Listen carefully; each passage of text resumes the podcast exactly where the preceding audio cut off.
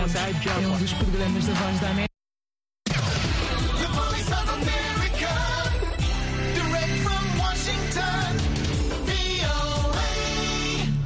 Sashen Hausa na muryar Amurka ke magana daga nan birnin Washington DC.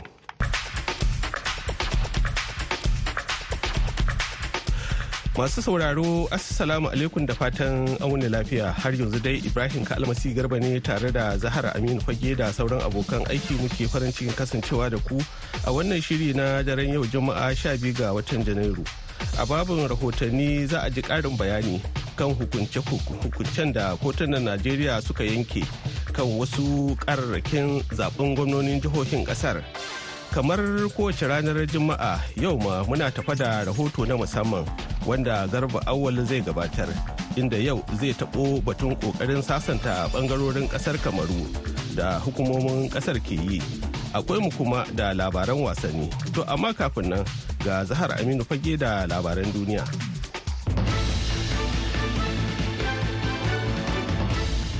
Jama'a masu sauraron mu Assalamu alaikum barkanmu da wannan lokaci. Hare-haren ramuwar gayya na ranar Alhamis da sojojin Amurka da na Birtaniya suka kai kan 'yan tawayen hauti da ke samun goyon bayan Iran a Yemen ya haifar da goyon baya da kuma suka daga ƙasashen duniya.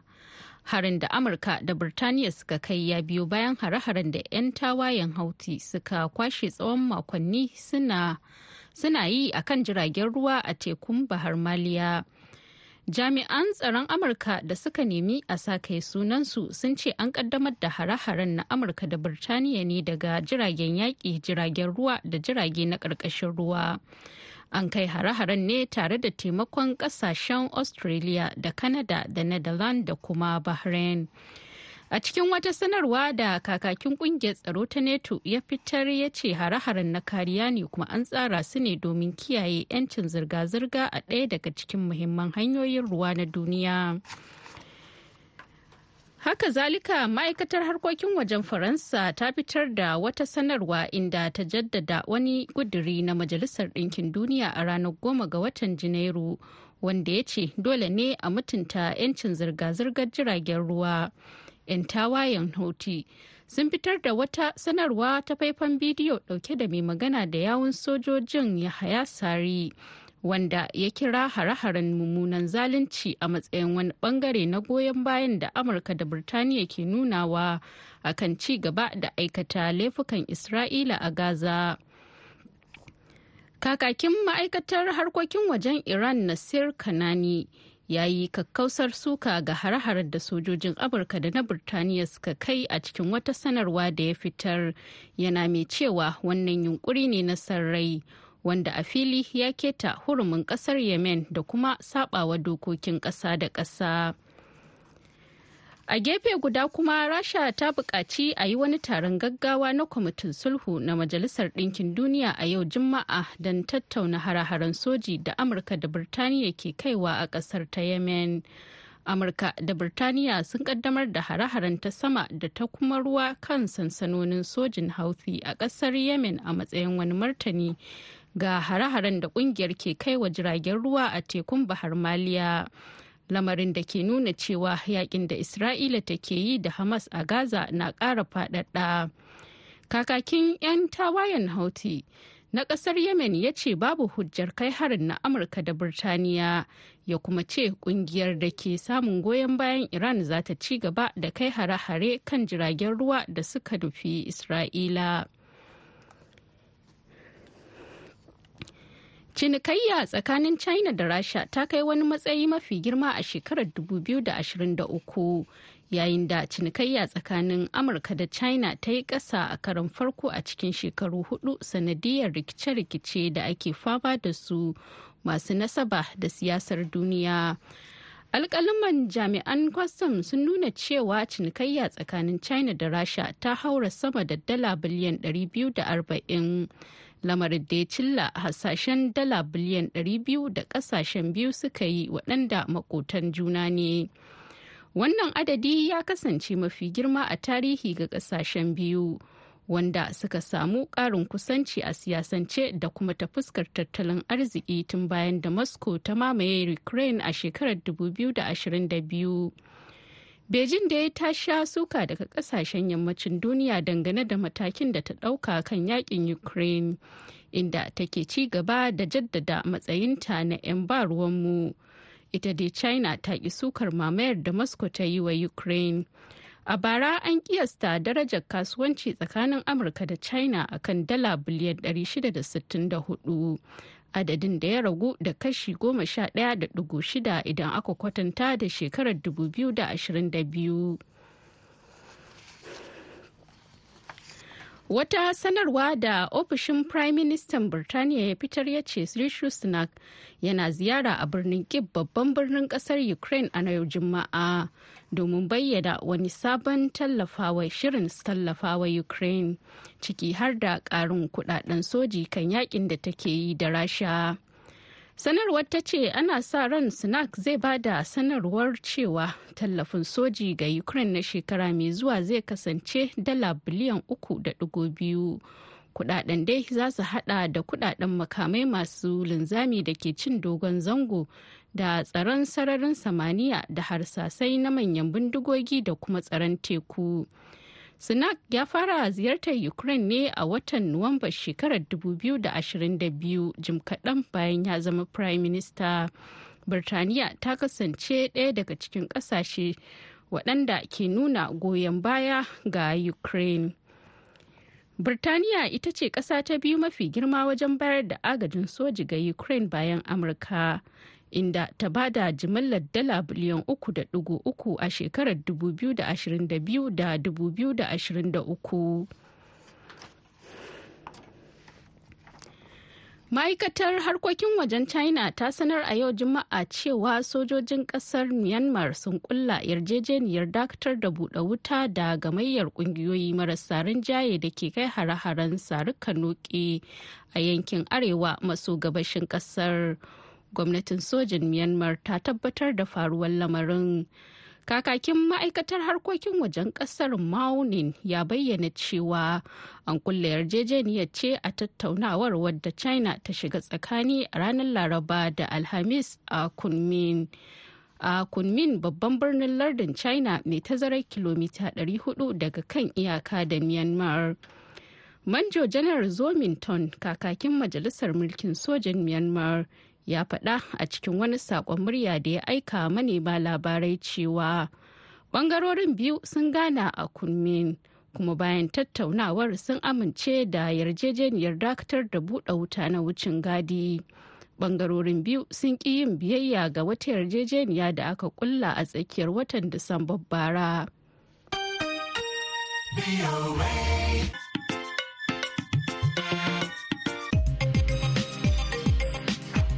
Zahra Aminu Fage aka saurara da labaran duniya daga nan sashen Hausa na muryar Amurka a birnin Washington DC.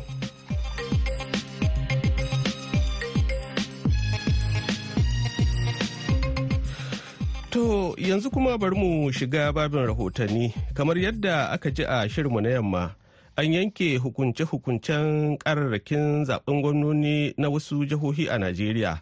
Mun kawo muku cikakkiyar rahoton na Kano. Da kuma taɓin na wasu jihohin waɗanda yanzu za a ji cikakkun rahotannin nasu daga wakilanmu. Bari mu fara da na bauchi. Kotun kolin mai wakilai guda biyar ƙarƙashin jagorancin mai shari'a ibrahim saulawa ya daɗa tabbatar da sahihancin zaɓen gwamna bala muhammad da aka yi a ranar 18 ga watan maris ɗin shekarar 2023 sannan ya ce ɗaukaka ƙarar da sadiq baba abubakar ya yi yana da rauni domin kuwa duk tambayoyi guda shidan da ya gabatar an ba da amsoshinsu. To bayan da aka tashi daga zaman kotun ne sai magoya baya suka shiga murna kamar yadda za ku ji.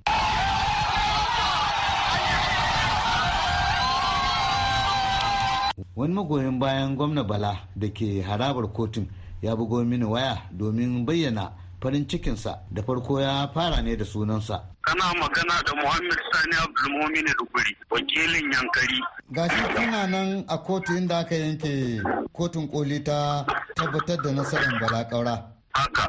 Me za ka ce a kai? To gaskiya fi sabilillahi wannan kotu da ta yanke hukunci abun ya mana daɗi. Kusan ni babban abun da ya ban abun al'ajabi ma a cikin hidimomin duk mutanen da suke wajen sai ka ce ma mutanen jihar Bauchi ne gaba ɗaya kawai akan mai girma gwamnan jiha yadda suke murna suke addu'o'i na alkhairi. To ina fatan ku a dangane da wannan nasara da ya samu. Eh to fatan da muke yi wa mai girma gwamnan jihar Bauchi muna masa fatan alkhairi Allah Ubangiji ya ba shi ikon yin adalci wa jihar Bauchi. Allah kuma ya ba shi ikon kammala ayyuka da ya sa a gabansa na alkhairi. Shi ma dai ɗan takarar APC da kotun ta yi watsi da karar tasa, ambasada Baba Sadiq Abubakar ya shaidawa magoya bayansa da su yi haƙuri da abin da ya faru. Al'umma kuma abubuwan da suka yi kowa adoyin da aka yi azumi ne da sauransu duka an yi. Kuma wannan adoyi da azumi da aka yi wallahi ba zai tafi a banza za a samu abin da fi wannan kujera a da irin waɗannan adoyi saboda haka ina ƙara ba ku haƙuri kuma ina ba ma al'ummar mu haƙuri a abubuwan da suka faru. Saboda haka ni abin da zan ce ba komai. Kowa Allah zai biya shi gwargwadon abin da yi ku yi haƙuri don Allah da kowa ya haƙuri kuma Allah ya yi mana jagora Allah ya tabbatar mana da alherin Abdulwahab Muhammad Mura Amurka daga Bauchi a Najeriya.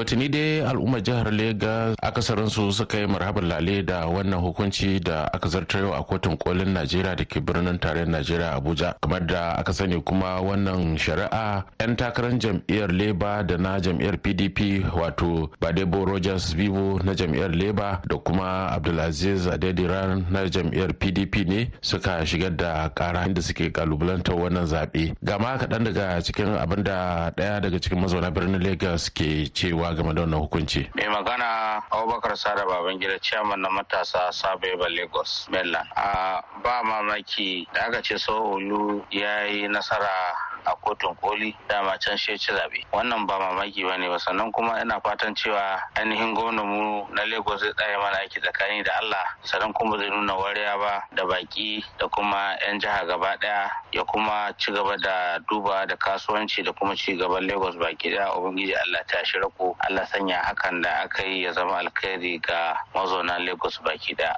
haka kuma shi kan shi gwamnan jihar lagos babajide shansan wallo yana mai cewa bayan wannan hukunci hukunci da aka zartar zai dukufa wajen gudanar da ayyukan ci gaban kasa tare kuma da gudanar da mulki ba tare da nuna bambanci ba. Lagos zai tara ɗaya daga cikin manyan jihohin najeriya mafi ƙarfin tattalin arziki da jam'iyyun siyasan nan na apc da kuma pdp ke kokuwan ganin cewa sun samu nasara a kai. Babban firamare amurka daga lagos Kotun kolin Najeriya ta tabbatar da Caleb Mutfang na jam'iyyar PDP a matsayin wanda ya lashe zaɓen gwamna a jihar Plateau.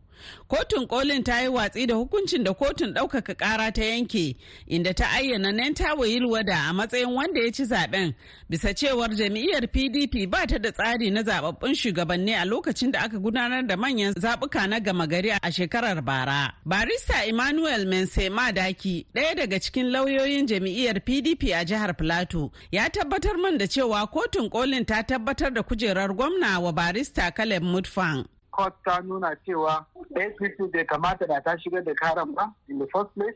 And then zancen issue na structure da su yi magana a kai cewa PDP na da structure babu wani damuwa. Congress da aka yi ya nuna cewa PDP ta complying da order na court. Sannan kotu ta ci gaba ta ce kotun ma ita kotu na Justice Gamba ta ba da order na cewa a je a yi Congress. Ba ta ma da urumi ma ta ba da wancan order din saboda abin da ya shafi rikici a tsakanin mutane na cikin fati na jam'iyya bai kamata ma a kai kotu ba. To wayanda aka ciccire su fa musamman 'yan majalisu da sanatoci wayanda aka ciccire su daga jam'iyyar PDP su kuma yaya za a yi da su kenan? Wannan ya nuna cewa PDP za ta ɗauka matakai kwararru domin a nuna cewa abin da kotu na a ta yi ba ta yi daidai ba. Daraktan kamfen na zaɓen Nentawa wada na APC Jibrin Banchir ya ce sun amince da hukuncin kotu. Kotun koli ta yanke hukunci bisa ga yadda ta ga ya dace.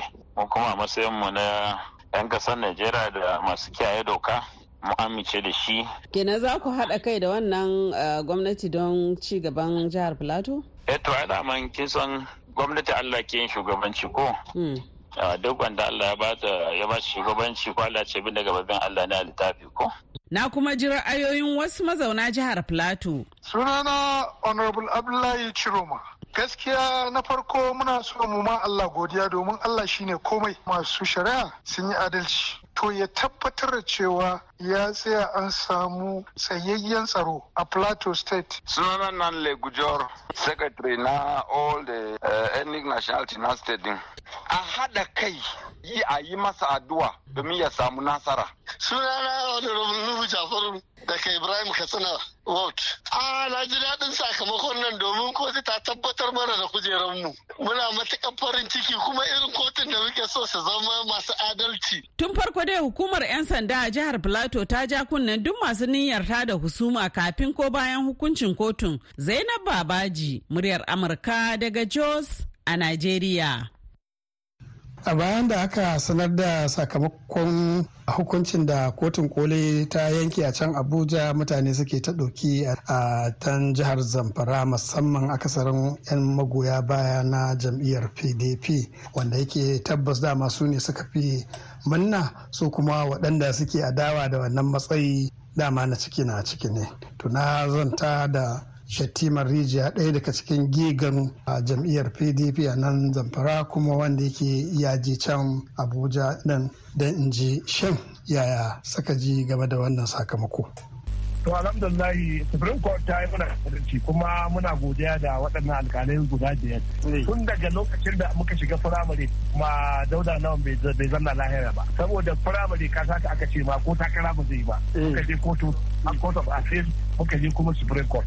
To yanzu da ya ayi ruling an tabbatar da shi ne gwamnan halittacce wanda aka zaba kuma mutanen zamfara sun yi na'am kuma suna godiya. Na kuma sami zanta da sauran mutane maza da mata. A sunana mugira yusuf a hakika waɗannan alkalai sun kwatanta adalci a kamar yadda ya kamata. Assalamu alaikum sunana aisha daga ƙaura na moda local government zamfara state. Ina taya murna ga dr. Dauda lawan dare bisa wannan nasara da aka samu. Allah ya tabbatar da alkhairi ya ba shi ikon cimma expectation. Assalamu alaikum. Sunana ummi daga zamfara. Ina taya gwamnan mu da lawal dare farin ciki da samun nasara a kotun koli. Sannan Allah ya taimaka. San shabi malafashi murai Amurka daga Gusau a Najeriya. To a gaishe ku. Sauran waɗanda suka yi nasara a kotun sun hada da gwamnan Ibonyi Francis Inweforu na jam'iyyar APC da kuma gwamnan abia alex oti na jam'iyyar labour. Yanzu kam ga rahoto na musamman. Gwamnatin ƙasar jamhuriyar kamaru ta yi yunkuri na sake wani zama na musamman domin ganin irin yadda za ta lalubo hanyoyin zaman lafiya a faɗin ƙasar karo na biyu kenan da za irin wannan zaman a faɗin ƙasar musamman a ɓangaren da ake amfani da harshen ingilishin sarauniyar ingila anda a yanzu haka suke ta ɗauki ba daɗi tsakanin su da jami'an tsaron ƙasar jamhuriyar kamaru wanda suke nema a raba ƙasar gida biyu ko kuma su balle daga ƙasar jamhuriyar kamaru. Ministan cikin gida mr atanga nji ya yi taro da gwamnoni goma na ƙasar jamhuriyar kamaru domin neman kawo ingantaccen tsaro a ƙasar ta jamhuriyar kamaru. Muna wannan taron ne ba don komai ba domin maido da zaman lafiya a ƙasar mu. Gwamnan jihar arewa maso yammacin ƙasar jamhuriyar kamar musta adolf lele afrik shi ma ya ce. Wannan zaman da za mu yi shine ya fi cancanta domin muna cikin hatsari kuma matasanmu da dama suna cikin dazuzzuka. Ya kamata a yi wannan zaman domin yafe wa juna kuma idan muka yi wannan zaman ne muna ganin cewa hakanmu zai cimma ruwa a ƙasar kamaru. Shi ma gwamnan jihar arewa mai nisa bijin yawa bakari ya ce ya cancanta a sake wannan zaman karo na biyu domin yin hakan. Yana da matuƙar muhimmanci a wajenmu. Shugaban wanzar da zaman lafiya na ƙasar jamhuriyar kamaru kuma shugaban yaƙi da ta'addanci a ƙasar khalifa alhaji uba abdulrazak ga kuma irin hirar da muka yi da shi.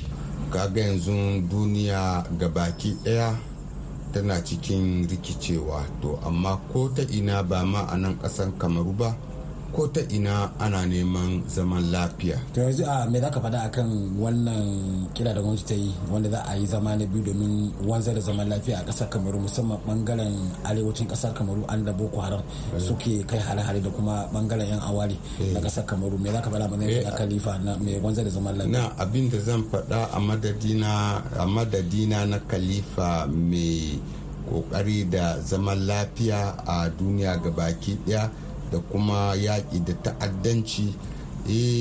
A nan ƙasan kamaru dai gwamnati allah ya ba ta basira yanda za a zauna mazauni ɗaya a tattauna duka waɗansu matsalolin da ke addaban al'ummanmu na ƙasan kamaru.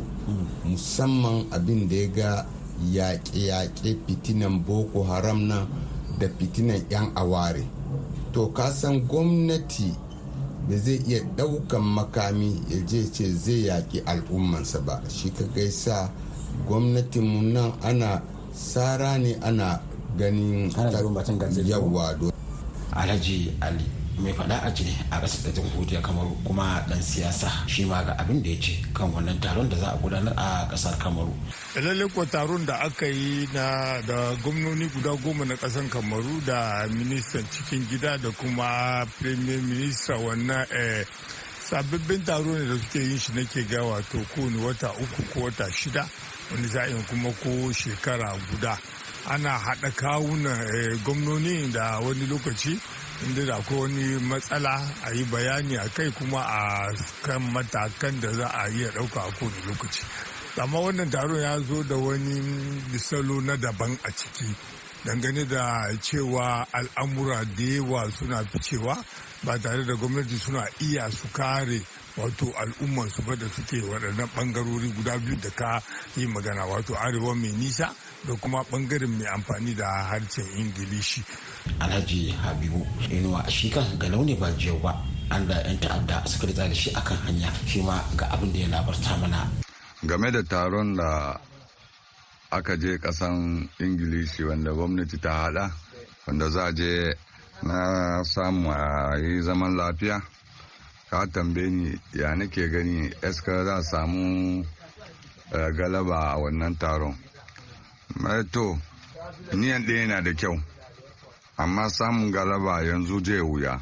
Dalili don su wanda suka tashi tafiya wajen taron haɗata wanda ma suka haɗa taron da za a gayyaci 'yan ta'adda masu riƙe makamai da abin na da kyau.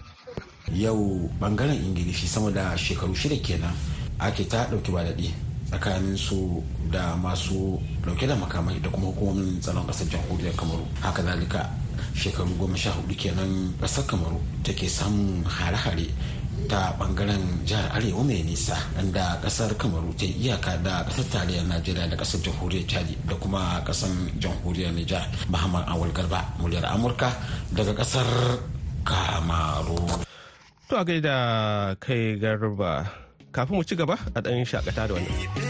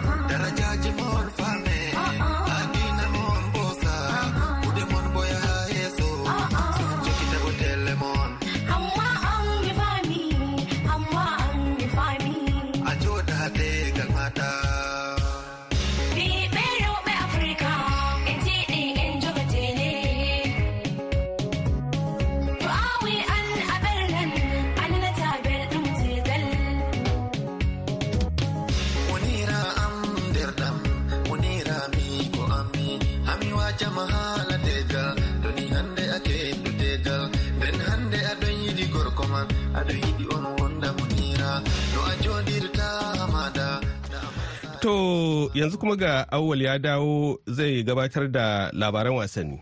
Wasanni a taƙaice. A ɓangaren yan awarin ƙasar jamhuriyar kamaru su masu fitakan ƙirƙiro ƙasa na gashin kansu. Yanzu dai gwamnatin ƙasar ta kamaru ta yi watsi da inganta musu harkokin wasanni da ma ko kula da wani take na gina musu filayen wasanni irin na zamani a wannan ɓangaren musamman ma a birnin bamin da ɓangaren da ake amfani da harshen ingilishi na tattauna da wani matashi mai sha'awan ƙwallon kafa malam shamsu. Ga yadda hira ta kaya. To alhamdulillah dai a gaskiya wannan gasa da ake bugawa na maganan wannan ƙwallo na kamaru bamin da tana kokarinta domin tana da wato ainihin zakarun kungiyoyi guda biyu na pwd da young sport yosa wanda in ka duba ka gani ita pwd nan ita ne ta cinye gasar kamaru na laliga wani shekaran da ya wuce. Kuma haka zalika ta ce manya-manyan gasa wanda ta yi a cikin wannan nahiyar afirka ta ce. To amma a gaskiya maganar samun wajen wasa na zamani abu ne wanda ya zama mana wato ainihi matsala. Domin menene? Tun kafin a san za a shiga wannan matsala na anglophone aka zo aka rufe mana wato shi municipal stadium da muke da shi. Wajen da ake wasan ƙwallo ake wasu wasanni na motsa jiki da sauransu. Shi zama na an zo an rufe an wargaza an rusa wajen ga baki ɗayanta akan za a zo a yi mana wajen wasa na zamani. An zauna kimamin shekara ɗaya biyu uku zuwa huɗu ne ma tukuna wannan matsala ta wato ainihin anglophone crisis nan tukunna ya fara wanda gaba ɗaya wannan abin an shafe shi an manta da shi. Wanda yanzu fita kafin ka tafi ka je ka ga wata wasa da za a yi na shi wannan laliga namu na ƙasan kamaru. Sai ka fita ka tafi wata can anguwa wanda anguwan matsalan tsaro ma matsala ne a wannan waje. Yanda dai ake tafiya dai kawai ana tafiya tsorace ne ana dawa dai a tsorace domin wata anguwa ne can kusa da bambu can da ake tafiya da yi wasa. Wata fil ne ma wuce kaga wajen ƙwallon in ma ba waje ba ne na ka zo ka gani. Jan kasa ne a zube gab yanda idan dan wasa ma ya samu targaɗe to shi da kanshi ya san cewa lallai zai ji jiki. To gaskiya wannan fanni kam muna nan ba a ƙoƙarin gwamnati ba ta ƙoƙarin ta tuno da wannan matsala. Ta an ce aiki kaza sai su ce a'a a makale bayan wannan matsalan da ake da shi. Na anglophone crisis. Wannan a'a ai anglophone crisis ne saka ba ai kaza ba bai ga hanyoyi ma zuwa garin ma gaba ɗaya wannan jiha namu matsala ne gaba ke ɗayanta. Cikin gari ba hanyoyi hanyar zuwa garin ba hanya. To wannan gaskiya ƙalubale ne babba wanda muke samu muke yake damun mu a wannan jiha namu. Mahama Awal Garba, muryar Amurka daga ƙasar Kamaru. To a gaishe ka da wannan kuma muka zo ga shirinmu na ƙarshe wato labarai amma a taƙaice.